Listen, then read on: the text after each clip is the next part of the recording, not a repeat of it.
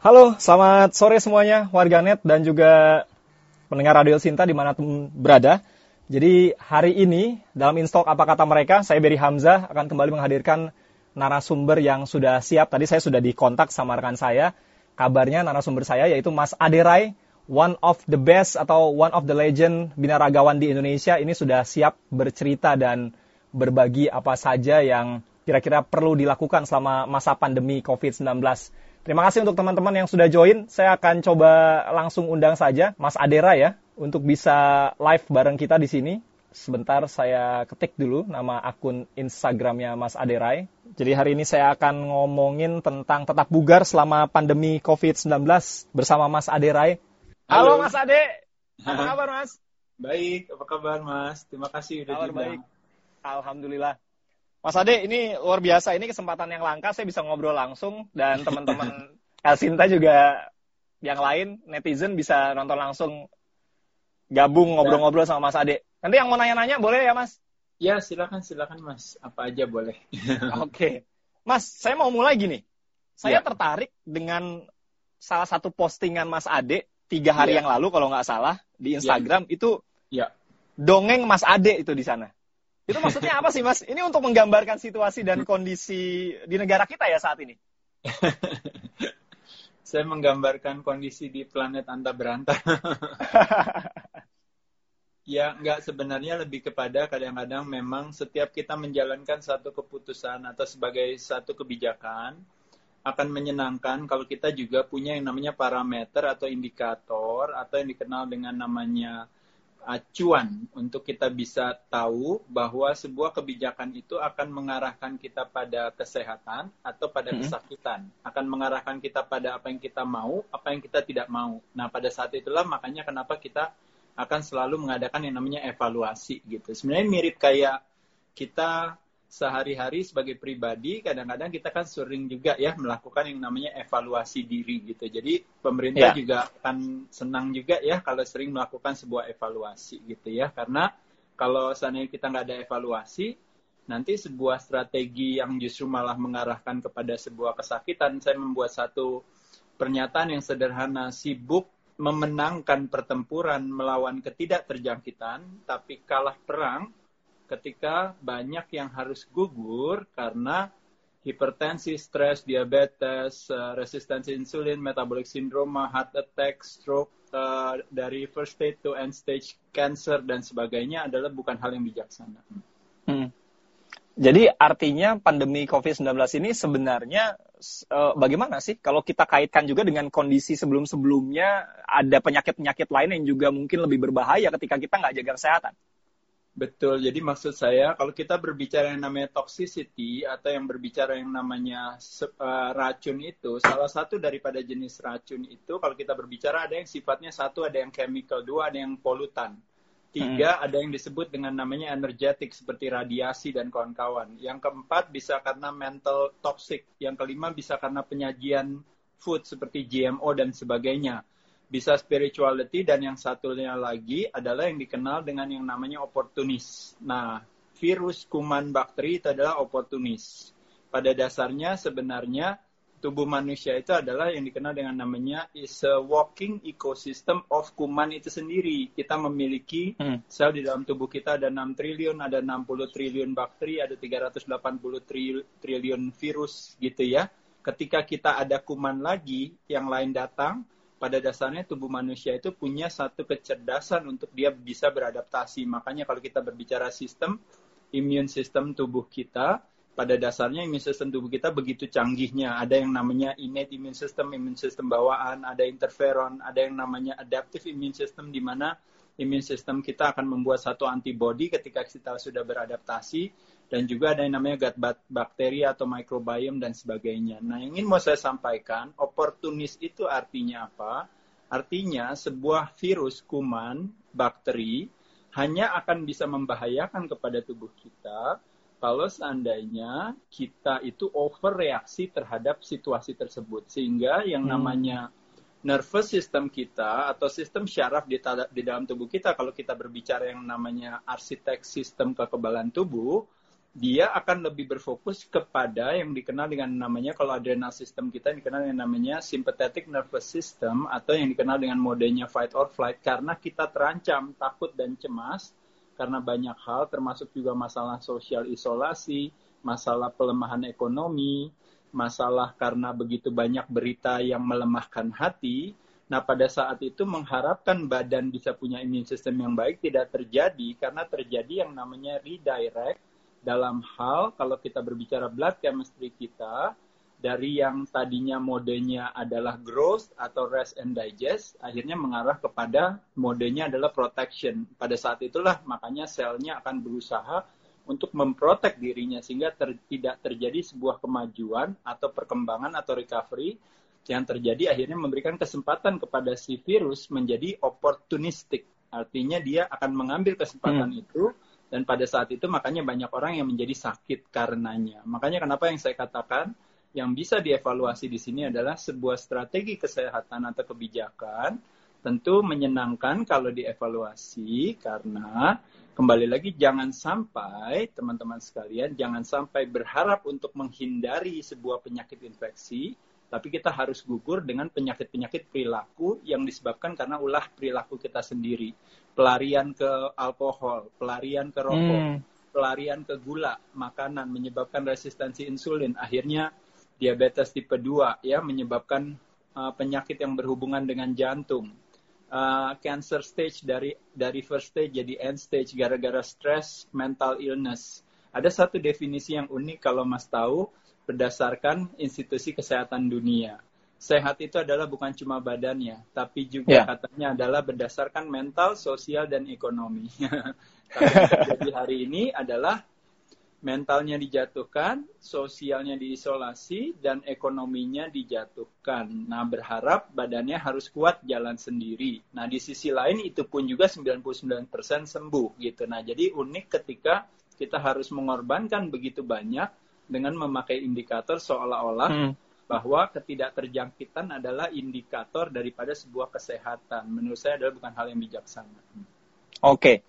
Nah, kalau sekarang dari sudut pandang masyarakat di Indonesia, apakah ada sudut pandang yang salah, Mas? Misalkan sekarang gini, ada sebagian masyarakat di Indonesia atau di tengah-tengah kita yang memandang arti sebuah kesehatan dan kebugaran. Betul nggak sih kalau sehat itu belum tentu bugar dan bugar itu sudah pasti sehat? Bagaimana sebenarnya penjelasannya, Mas? Ya, sebenarnya tergantung daripada definisi itu sendiri. Kalau kita mau memakai kata dari misalnya anggap saja nol itu artinya tidak sakit. Minus 10 artinya sakit. gitu ya. Nah, berarti kalau di atas nol, satu artinya disebut sehat gitu ceritanya. Iya. Nah, sedangkan misalnya 5 atau 10 disebut bugar gitu. Sebenarnya tergantung kita mau mendefinisikan itu. Nah, bugar itu kalau kita berbicara secara visual fisik itu akan terlihat baik dan kuat, performanya bagus, itu hanya lebih kepada sebuah konsekuensi daripada investasi yang terakumulasi. Maksudnya apa? Maksudnya gini, investasinya kita, oh makannya kita bagus, makanannya yang alami, makannya cukup sesuai dengan kebutuhan. Kita menjaga hmm. empat aspek daripada makanan, mulai dari jenisnya, penyajiannya, timingnya, jadwalnya, dan juga jumlah sesuai dengan kita yang konsumsikan. Mulai kita sumber kesehatan dan sumber kesakitan. Waktu kita pay attention terhadap makanan kita, akhirnya eh badan kita jadi sehat. Karena sehat, organ tubuhnya bagus, akhirnya seolah-olah ada sebuah kesan secara visual kok dia kelihatannya fit begitu kan gitu ya. Hmm. Nah, jadi akhirnya itu hanya lebih kepada sebuah konsekuensi daripada investasi kita yaitu sehat. Begitupun juga ketika kita merokok jalan terus, makan sembarangan, istirahat jarang, olahraga nggak pernah. Pada saat itu kita sakit, bukan karena sakitnya datang sendiri atau karena kita dikutuk, tapi karena sakitnya adalah memang konsekuensi daripada ulah perilaku kita gitu. Jadi sekali lagi hmm. teman-teman sekalian, uh, saya selalu beranggapan menurut saya nasib kesehatan kita itu 100% ada di tangan kita sendiri Nah, simpelnya gini ya Mas, ada uh, ada sebab akibat gitu ya. Betul, tepat sekali. Karma itu namanya ya, kayak aksi hmm. siapa yang menabur, uh, siapa yang menabur dia akan menuai, betul. Hmm. Oke, okay, nah Mas, tadi di awal Mas Ade juga bilang yang paling penting itu bukan hanya kita jaga makanan, kita olahraga, secara ekonomi tadi juga kita harus memperhatikan, tapi di sisi lain WHO tadi Mas Ade juga bilang kekuatan pikiran atau stressful kita ini juga perlu dijaga. Kalau Mas Ade ya. bagaimana Mas mengelola supaya tetap bisa berpikiran jernih, nggak stres, nggak banyak mikir gitu Mas? Gimana sih Mas caranya? ya saya rasa dengan kondisi sekarang ini juga menjadi tantangan bagi kita semua ya karena sebagai makhluk sosial ketika kita diisolasi sebenarnya secara tidak langsung kita membuat sabotase diri kita sendiri ya karena kita tidak bisa bersilaturahmi, tidak bisa bersalim, hmm. Berjabatan, bergandengan tangan, berpelukan dan sebagainya. Jadi itu sesuatu yang justru akan mengarahkan kita pada kebalikannya ketika immune system drop, maka opportunity kesempatan menjadi meningkat bagi si kuman tersebut. Kedua, saya rasa juga lebih kepada banyak sekali sahabat teman-teman kita termasuk ya saudara-saudara teman-teman dekat saya dipulangkan harus dirumahkan harus kehilangan pekerjaan kami juga yang punya usaha juga hampir nyaris bangkrut ya karena usaha hmm. nggak hmm. boleh tapi kewajiban cicilan usaha kan jalan terus gitu ya yeah. dan juga belum lagi kami punya karyawan yang begitu besar dan banyak nah pada saat itulah akhirnya otomatis pengaruh ke dalam ekonomi yang nanti akan tentunya mempengaruhi pikiran kita. Nah, pada saat itu ketika opsi cara pandang pikiran kita melemahkan hati karena situasi tersebut, akhirnya tentu akan tercipta sebuah yang namanya persepsi. Nah, persepsi itu akan mengirim signal yang nanti akan mengarahkan melalui yang namanya culture medium yaitu darah kita. Akhirnya darah kita itu sifatnya otomatis menjadi terjadi namanya kalau darah kental itu dikenal dengan namanya kita upregulate yang namanya inflammatory gitu. Terjadi yang namanya inflamasi atau yang terjadi peradangan yang memberikan kesempatan kepada siapa pun juga termasuk si oportunis tadi untuk bisa hadir dengan mudah karena kita menjadi tuan rumah yang nyaman bagi dirinya. Nah, makanya yang ingin mau saya sampaikan teman-teman sekalian ketika kita mentalnya jatuh, badannya pun juga menjadi lemah. Nah, oleh sebab itulah makanya sehat dari kata health. Health yeah. dari kata whole whole artinya menyeluruh. Kalau kita memakai satu, mentekel satu masalah dengan pendekatan reduksi atau body part, maka kita tidak bisa melihat secara menyeluruh narasi yang sesungguhnya terjadi. Karena kita hanya memakai realitanya adalah pokoknya bagaimana si body part itu bisa sembuh. Yang tidak hmm. disadari, satu body part dipengaruhi oleh ratusan body part yang lain gitu. Nah, kalau pendekatan kesehatan di dunia termasuk di Indonesia pendekatannya sifatnya reduksionis, maka akhirnya kita akan menjalankan satu kebijakan yang terakhir yang terjadi, maka korban akan semakin banyak. Semakin banyak bukan karena masalahnya si kumannya, tapi -hmm. yang terjadi korbannya karena kebanyakan kita pada ketakutan dan kecemasan berlari, akhirnya membayangkan kuman itu ibaratnya anjing galak seolah-olah hmm. gitu ya padahal anjingnya juga nggak galak belum tentu ya gitu ya tapi saking takut digigit anjing tapi banyak dari kita yang harus gugur karena ada yang ketabrak truk mobil ada yang jatuh ke jurang ada yang ketiban uh, barang dan juga ada juga yang ke kena ke apa namanya kena kena ke setrum listrik gitu ya. Hmm. Jadi meninggalnya atau gugurnya karena pelarian kita yang pada kenyataannya ternyata ketika kita digigit anjing ternyata dari 300 orang yang digigit ternyata cuma satu orang yang harus tewas itu pun juga karena dia diabetes sehingga akhirnya tidak bisa sembuh gitu ya. Oke. Okay. Jadi tapi Mas jadi ini ada ini ada Iya. Ada dari Emma Michael 1805. Iya. Mungkin nggak semua dokter pun sepaham dengan kondisi ini, Mas. Oh ya bagus sekali kalau gitu. ya, saya rasa ya kenapa tidak. Makanya kenapa saya rasa bukan masalah sepaham atau tidak sepaham. Kalau kita memakai logika yang namanya tragedi bencana itu tidak perlu harus dicari pemahamannya. Semua orang tahu kalau tragedi itu adalah merugikan kita gitu. Hmm. Jadi itu pasti. Jadi kalau istilahnya tragedi itu kita anggap namanya tsunami. Jadi nggak perlu dijelaskan kepada orang lain bahwa tsunami itu berbahaya. Mas tolong ya jangan buka tokonya ya karena tsunami. Nggak perlu disuruh buka tokonya, tokonya sudah hilang sendiri karena tsunami ya. Hmm. Dan tidak perlu juga bilang Mas jangan keluar rumah atau apa ketika ada tsunami datang Mas juga nggak bisa keluar rumah juga. Jadi ada sebuah kejelasan akan bencana tersebut. Cuma yang menjadi tantangan daripada bencana kita hari ini yang dideklar sebagai bencana banyak orang yang justru malah mempertanyakannya gitu sehingga jadi harus dijelaskan bencananya gitu. Nah pada saat itulah makanya terjadi perbedaan pendapat. Di sinilah makanya jadi okay. menjadi sebuah keunikan ketika mendeklar sesuatu sebagai sebuah bencana, tapi orang lain tidak tidak tidak merasakan kebencanaannya gitu kecuali yang merasakan adalah orang yang memiliki pre-existing kondisi ditambah dengan kecemasan dan ketakutan. Jadi saya rasa itu sesuatu yang unik saja gitu. Jadi ini hmm. bukan pendapat saya, tapi saya hanya lebih mengamati sebagai pengamat kesehatan ketika jangan sampai membuat sebuah kebijakan. Ada istilah yang mengatakan kalau sehat itu bersahabat dengan pertemanan hati, sakit bersahabat dengan perlawanan hati. Artinya, ketika kita menciptakan perlawanan di hati kita, di pikiran kita, maka tidak bisa mengharapkan badan menjadi sehat. Kebalikannya, badan juga tidak akan sakit kalau yang terjadi adalah kegembiraan atau pertemanan hati itu sendiri. Nah, hmm. membayangkan kondisi hari ini yang terjadi teman-teman sekalian, yaitu adalah kita berusaha untuk mencari sehat dengan fondasi takut akan sakit. Jadi, situasinya itu menakutkan dan mencemaskan orang, tapi harapannya orang harus sehat. Nah, itu fondasi yang saya katakan adalah fondasi yang rapuh.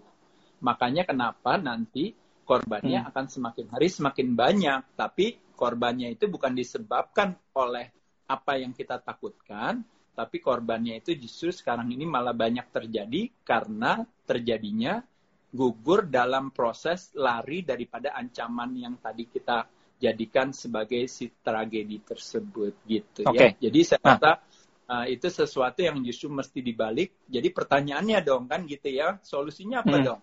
Nah solusinya jawabannya sederhana menurut saya. Kalau kita pendekatan kuratif pasti membutuhkan biaya yang mahal dan cara yang susah. Iya. Akhirnya biaya Betul. terus. Mulai dari testing biaya, mulai dari ini biaya, mulai dari ventilator biaya, obat biaya. Belum hmm. kita harus hidup dengan konsekuensinya, side effect daripada penggunaan obat tersebut. Yang kedua, kalau pendekatannya preventif dan promotif, itu adalah mudah dan murah karena yang dibutuhkan yang paling mahal itu hanya cuma perubahan perilaku. Jadi yang tidak olahraga jadi rajin olahraga. Yang tadinya merokok jadi kurangi merokok. Yang tadinya uh, minum alkohol jadi kurangi alkoholnya. Yang tadinya banyak konsumsi gula berlebihan kurangi gulanya. Yang tadinya tidak dekat dengan alam, dekat dengan alam, dekat dengan matahari, dekat dengan uh, udara segar, dekat dengan pantai, dekat dengan sungai, dekat dengan danau, dekat dengan tumbuhan dan binatang, dekat dengan orang yang dikasihi, melakukan berbagai aktivitas yang meningkatkan imun sistemnya karena imun sistemlah yang kita jaga karena bagaimanapun juga kalau imun sistem kita jaga maka otomatis yang namanya apa pun juga si oportunis itu mulai dari kuman, bakteri dan sebagainya dia tidak akan bisa apa-apa. Karena kalau kita berfokus kepada kesakitan, mengharapkan kesehatan, hal itu tidak pernah terjadi. Jadi sibuk menganalisa kegelapan, mengharapkan penerangan, hal itu tidak terjadi. Jadi hmm. yuk kita fokus kepada apa yang bisa kita lakukan, yaitu adalah apa? Yaitu adalah dengan promosi hidup sehat, promosi makan sayur, promosi minum air putih, promosi olahraga, promosi vitamin C, promosi vitamin D, promosi bermandi sinar matahari, puskesmas, pusat kesehatan masyarakat seperti sarana fasilitas olahraga, hmm. seperti sarana kebugaran, seperti misalnya taman, kebun, berbagai aktivitas kegiatan, stadium, ya, stadion gitu ya, tempat lari dan sebagainya, bukit dan sebagainya, itu bisa diberdayakan kembali untuk dijadikan sebagai fasilitas kesehatan pertama.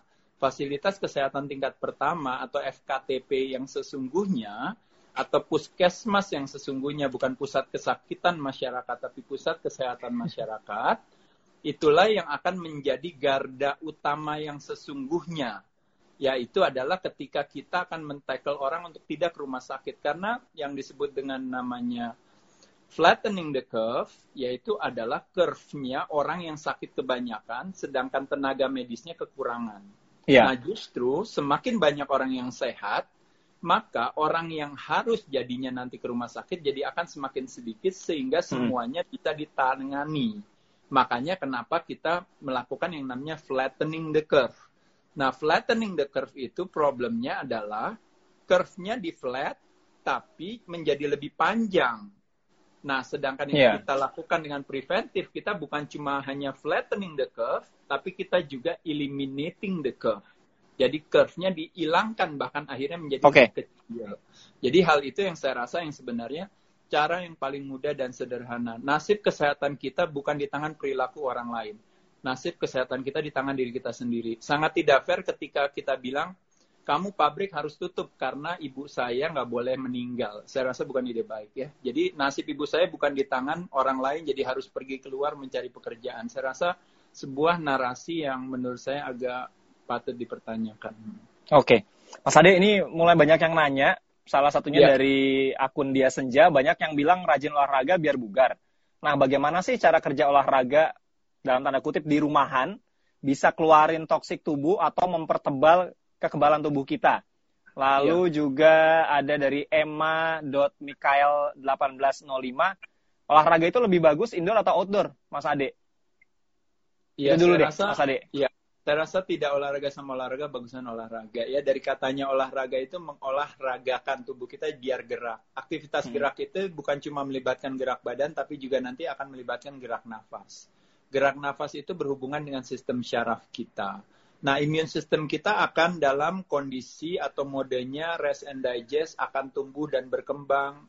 Uh, imun sistem kita akan bekerja dengan baik pada saat di mana kalau kita berbicara ada yang disebut yang namanya alkaline lifestyle yaitu adalah ketika suplai oksigen ke dalam darah itu baik. Makanya kenapa kita berolahraga.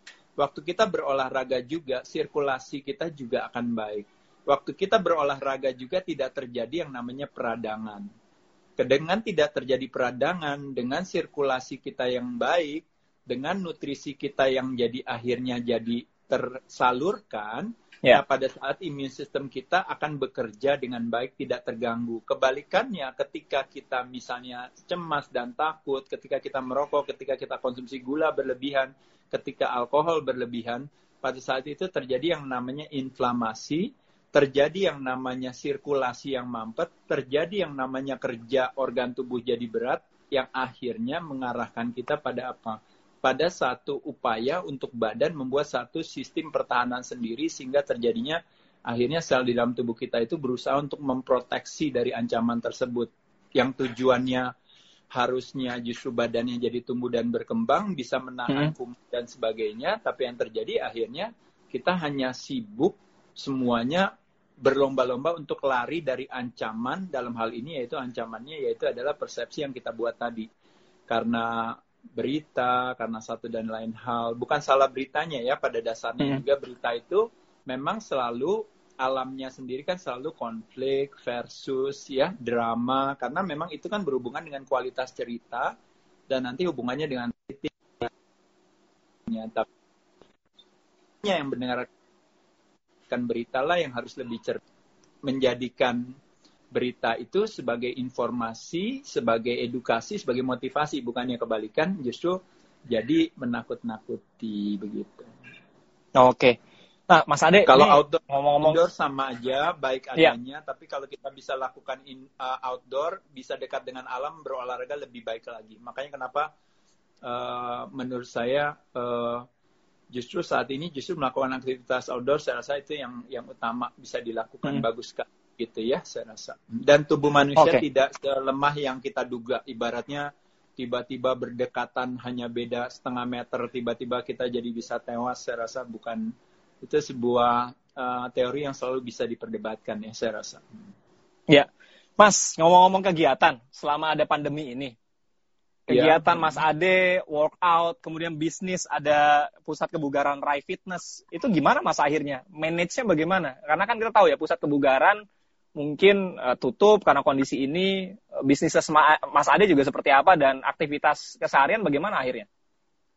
Ya saya rasa itu yang mungkin yang menjadi tantangan bagi kita semua ya. Segala bisnis kegiatan usaha yang apalagi kayak kita berbicara ya pusat kebugaran adalah puskesmas yang sesungguhnya. Tapi kita justru tidak boleh berkarya untuk ikut berkontribusi terhadap kesehatan masyarakat. Yang terjadi sekarang ini banyak juga sarana fasilitas olahraga juga ya termasuk juga mungkin restoran, termasuk juga mungkin Hmm. tempat tinggal ya kayak orang yang bergerak di bidang pariwisata dan sebagainya itu semua kan sekarang mengalami hal yang mungkin nanti akan mengarahkan kepada kebangkrutan gitu ya. Dan ketika fitness center banyak yang tutup dan akhirnya nanti bangkrut, saya rasa justru akhirnya sarana fasilitas olahraga begitu nanti kembali dikembalikan kepada normal, fasilitas olahraganya sudah tidak ada gitu. Jadi kalau menurut saya sebenarnya makanya kenapa sebuah kebijakan itu harus selalu dievaluasi. Apalagi melihat beberapa sebagai contoh misalnya di Yogyakarta ya di Bandung di Jakarta ada beberapa kayak kuliner-kuliner Nusantara yang menyehatkan tapi malah nggak hmm. boleh buka misalnya padahal yeah. dengan kita diajakin makan makanan yang alami banyak makan sayur lalap-lalapan banyak makanan kuliner Nusantara yang menyehatkan justru itu malah menguatkan rakyatnya pusat kebugaran sarana olahraga kesehatan justru malah menguatkan masyarakatnya. Tapi malah disuruh buka yang paling terakhir. Malah orang seharusnya mungkin kalau menurut saya pribadi ya sekali lagi ya mungkin ya yang harus kita tekan justru sebenarnya adalah kebiasaan merokok itu yang harus dikurangi gitu. Kalau bisa selama okay. pandemik ini nggak jualan rokok selama pandemik ini tidak jualan minuman keras selama pandemik ini mungkin tidak mengkonsumsikan makanan-makanan junk food dan sebagainya saya rasa mestinya harus cara pandangnya dibalik itu tadi yang seperti saya katakan selama pendekatannya sifatnya kuratif maka kita harus menempuh jalan yang mahal dan susah.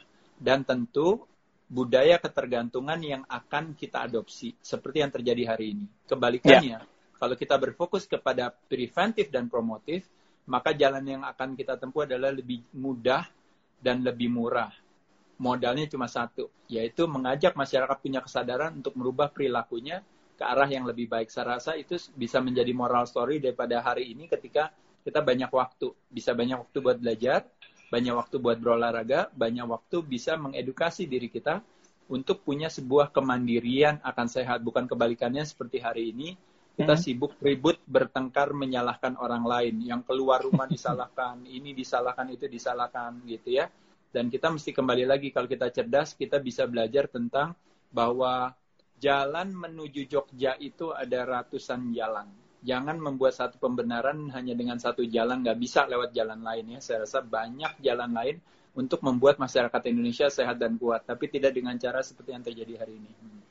Oke, ini dari Suwiryo, akun Instagramnya orang radio, katanya saya masih ingat motivasi yang disampaikan oleh Bang Aderai. Dia pernah bilang, Anda masih merokok. Jika iya, artinya Anda masih dijajah. Alhamdulillah, sekarang saya sudah tidak merokok dan jauh lebih fresh lagi. Terima kasih untuk Bang Aderai. Kemudian ya, juga sama. 2020 masih merokok. Udah nggak zaman bro merokok, kata akun Rudian Yo 3. Lalu juga banyak juga ini yang ada yang nanyain apa sih manfaat rokok kalau tadi mungkin disinggung ya sama Mas Aderai dan lain sebagainya. Sedikit tanggapi Mas Ade. Ya sebenarnya kalau saya bilang uh, pada dasarnya kita kan juga orang cerdas ya. Kalau kita berbicara sebenarnya banyak gak orang cerdas yang masih merokok? Jawabannya banyak. Kenapa orang cerdas sudah tahu bahwa merokok tidak baik kesehatan tapi kok terus merokok? Jawabannya karena memang ada manfaatnya daripada merokok. Lo orang tanya. Alhamdulillah saya nggak ngerokok. Iya. saya jadi malu kalau ngobrol langsung kayak begini terus disinggung.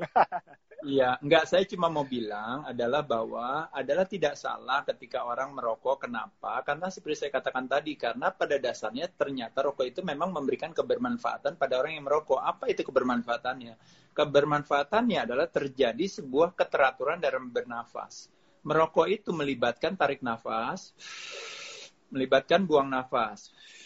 Ketika kita menarik nafas dengan pelan, lambat, dan dalam, dan mengeluarkan dengan pelan, lambat, dan dalam itu sebenarnya ilmu sehat. Yaitu hmm. adalah kita aktivasi yang namanya parasympathetic nervous system atau yang dikenal dengan sistem syaraf tubuh kita yang memiliki mode yang disebut namanya rest and digest. Makanya kenapa orang merokok setelah makan itu menyenangkan karena tubuhnya bisa menyerap makanan dengan optimal ketika gerak nafasnya pelan dan lambat.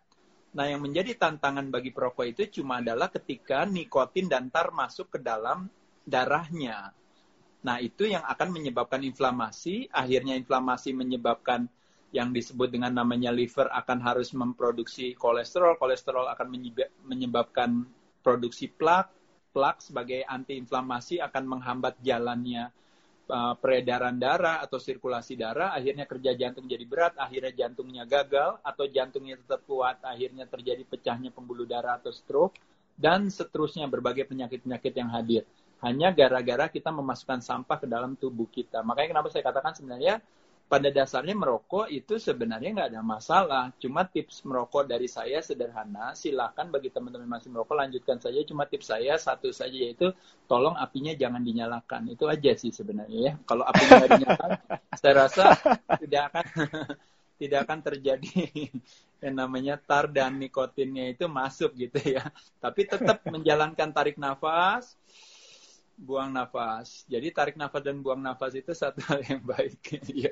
Makanya kenapa orang stres itu caranya gampang yaitu disuruh tarik nafas dan buang nafas ya. Makanya salah satu cara tarik nafas buang nafas yang terbaik yang kita jadi terpaksa akhirnya nafas kita teratur yaitu dengan cara satu berolahraga. Dua bisa juga dengan cara bernyanyi atau berapa kalau teman-teman tahu mengaji atau apa bermantra atau berzikir atau nyanyi-nyanyian puji-pujian kalau di gereja ya atau melakukan berbagai hal seperti misalnya kegiatan-kegiatan kesenian seperti menari, melakukan berbagai aktivitas sehingga pada saat itulah gerak nafas kita menjadi lebih teratur. Ketika nafas kita teratur, memungkinkan tubuh untuk membiarkan imun sistem tadi, sistem imun sistem atau daya tahan tubuh kita menjadi lebih kuat. Gitu sih. Oke. Okay. Ya. Mas Ade, karena waktunya ternyata tersisa sangat sedikit, tapi ini banyak sekali yang nanya. Saya ingin menanyakan satu hal saja kalau begitu. Nah, sekarang kita mengajak masyarakat untuk terus berpola hidup sehat ya. Nah, ya, misalkan saya, sebagai bagian dari masyarakat. Step awal untuk pemula yang mungkin baru mau memulai olahraga, mau mulai hidup sehat, apa sih yang harus dilakukan supaya kita bisa termotivasi dan konsisten terus, Mas Ade? Ya saya rasa sehat itu mudah dan murah ya. Teman-teman santai aja, nggak usah gimana-gimana. Yang nggak suka makan sayur sekarang belajar makan sayur. Yang tadinya makanannya makanan proses food, kemasan sekarang makanan yang alami ya. Yang tadinya jarang gerak olahraga, yuk gerak olahraga. Bisa olahraga jantung, bisa olahraga otot rangka ya. Bisa pengencangan otot rangka dengan menggunakan tubuh sendiri. Boleh push up, boleh squats, boleh sit up, boleh plank gitu ya, nggak ada masalah. Bagi yang tadi kan yang misalnya masih merokok mungkin bisa kurangi, bagi yang minum mungkin bisa kurangi, bagi yang tadi makan makanan yang sifatnya mungkin ada kandungan uh, toksisitasnya tinggi gitu ya, mungkin karena satu dan lain hal bisa dikurangi. Jadi saya rasa itu hal yang sederhana karena kembali lagi seperti saya katakan, kita boleh sibuk memakai pelindung diri ya, boleh pakai topeng, boleh pakai sarung tangan, silahkan saja. Tapi jangan lupa ketika kita harus masuk ke dalam sebuah ring kesehatan, harus berhadapan dengan si kuman, yang paling dibutuhkan adalah ilmu bela dirinya, bukan pelindung badannya. Paham ya teman-teman ya? Jadi atur makannya gitu ya. Atur olahraganya di rumah, rokok jalan terus, gula masuk terus, proses food jalan terus, tapi pakai topengnya ber, berlapis-lapis saya rasa. Bukan hal yang bijaksana ya. Hmm. Oke. Mas Ade, terima kasih banyak ya. Ini banyak ilmu yang bisa kita tangkap dari apa yang kita bahas hari ini. Mungkin nanti di lain waktu kita boleh ngobrolin dengan hal-hal lainnya ya. Mas Adi terima kasih sekali lagi, sukses terus dan tetap jaga kesehatan, tetap bugar juga. Thank you. Thank you. Selamat sore. Dah. Assalamualaikum. Waalaikumsalam.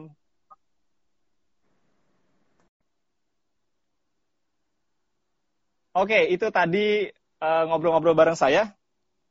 Saya setuju dengan beberapa komentar yang masuk tadi.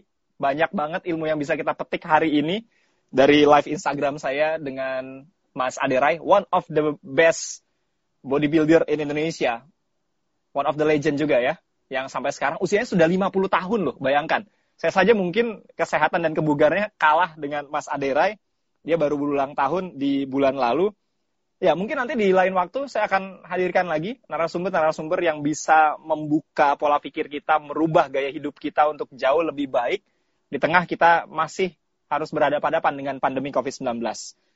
Untuk pekan ini, episode kali ini bersama Binaragawan Aderai adalah episode terakhir karena besok Sabtu dan Minggu Instok apa kata mereka akan off terlebih dahulu. Nanti kita akan ketemu lagi di hari Senin sampai hari Jumat jam 17 waktu Indonesia Barat hanya di Instagramnya Radio El Sinta.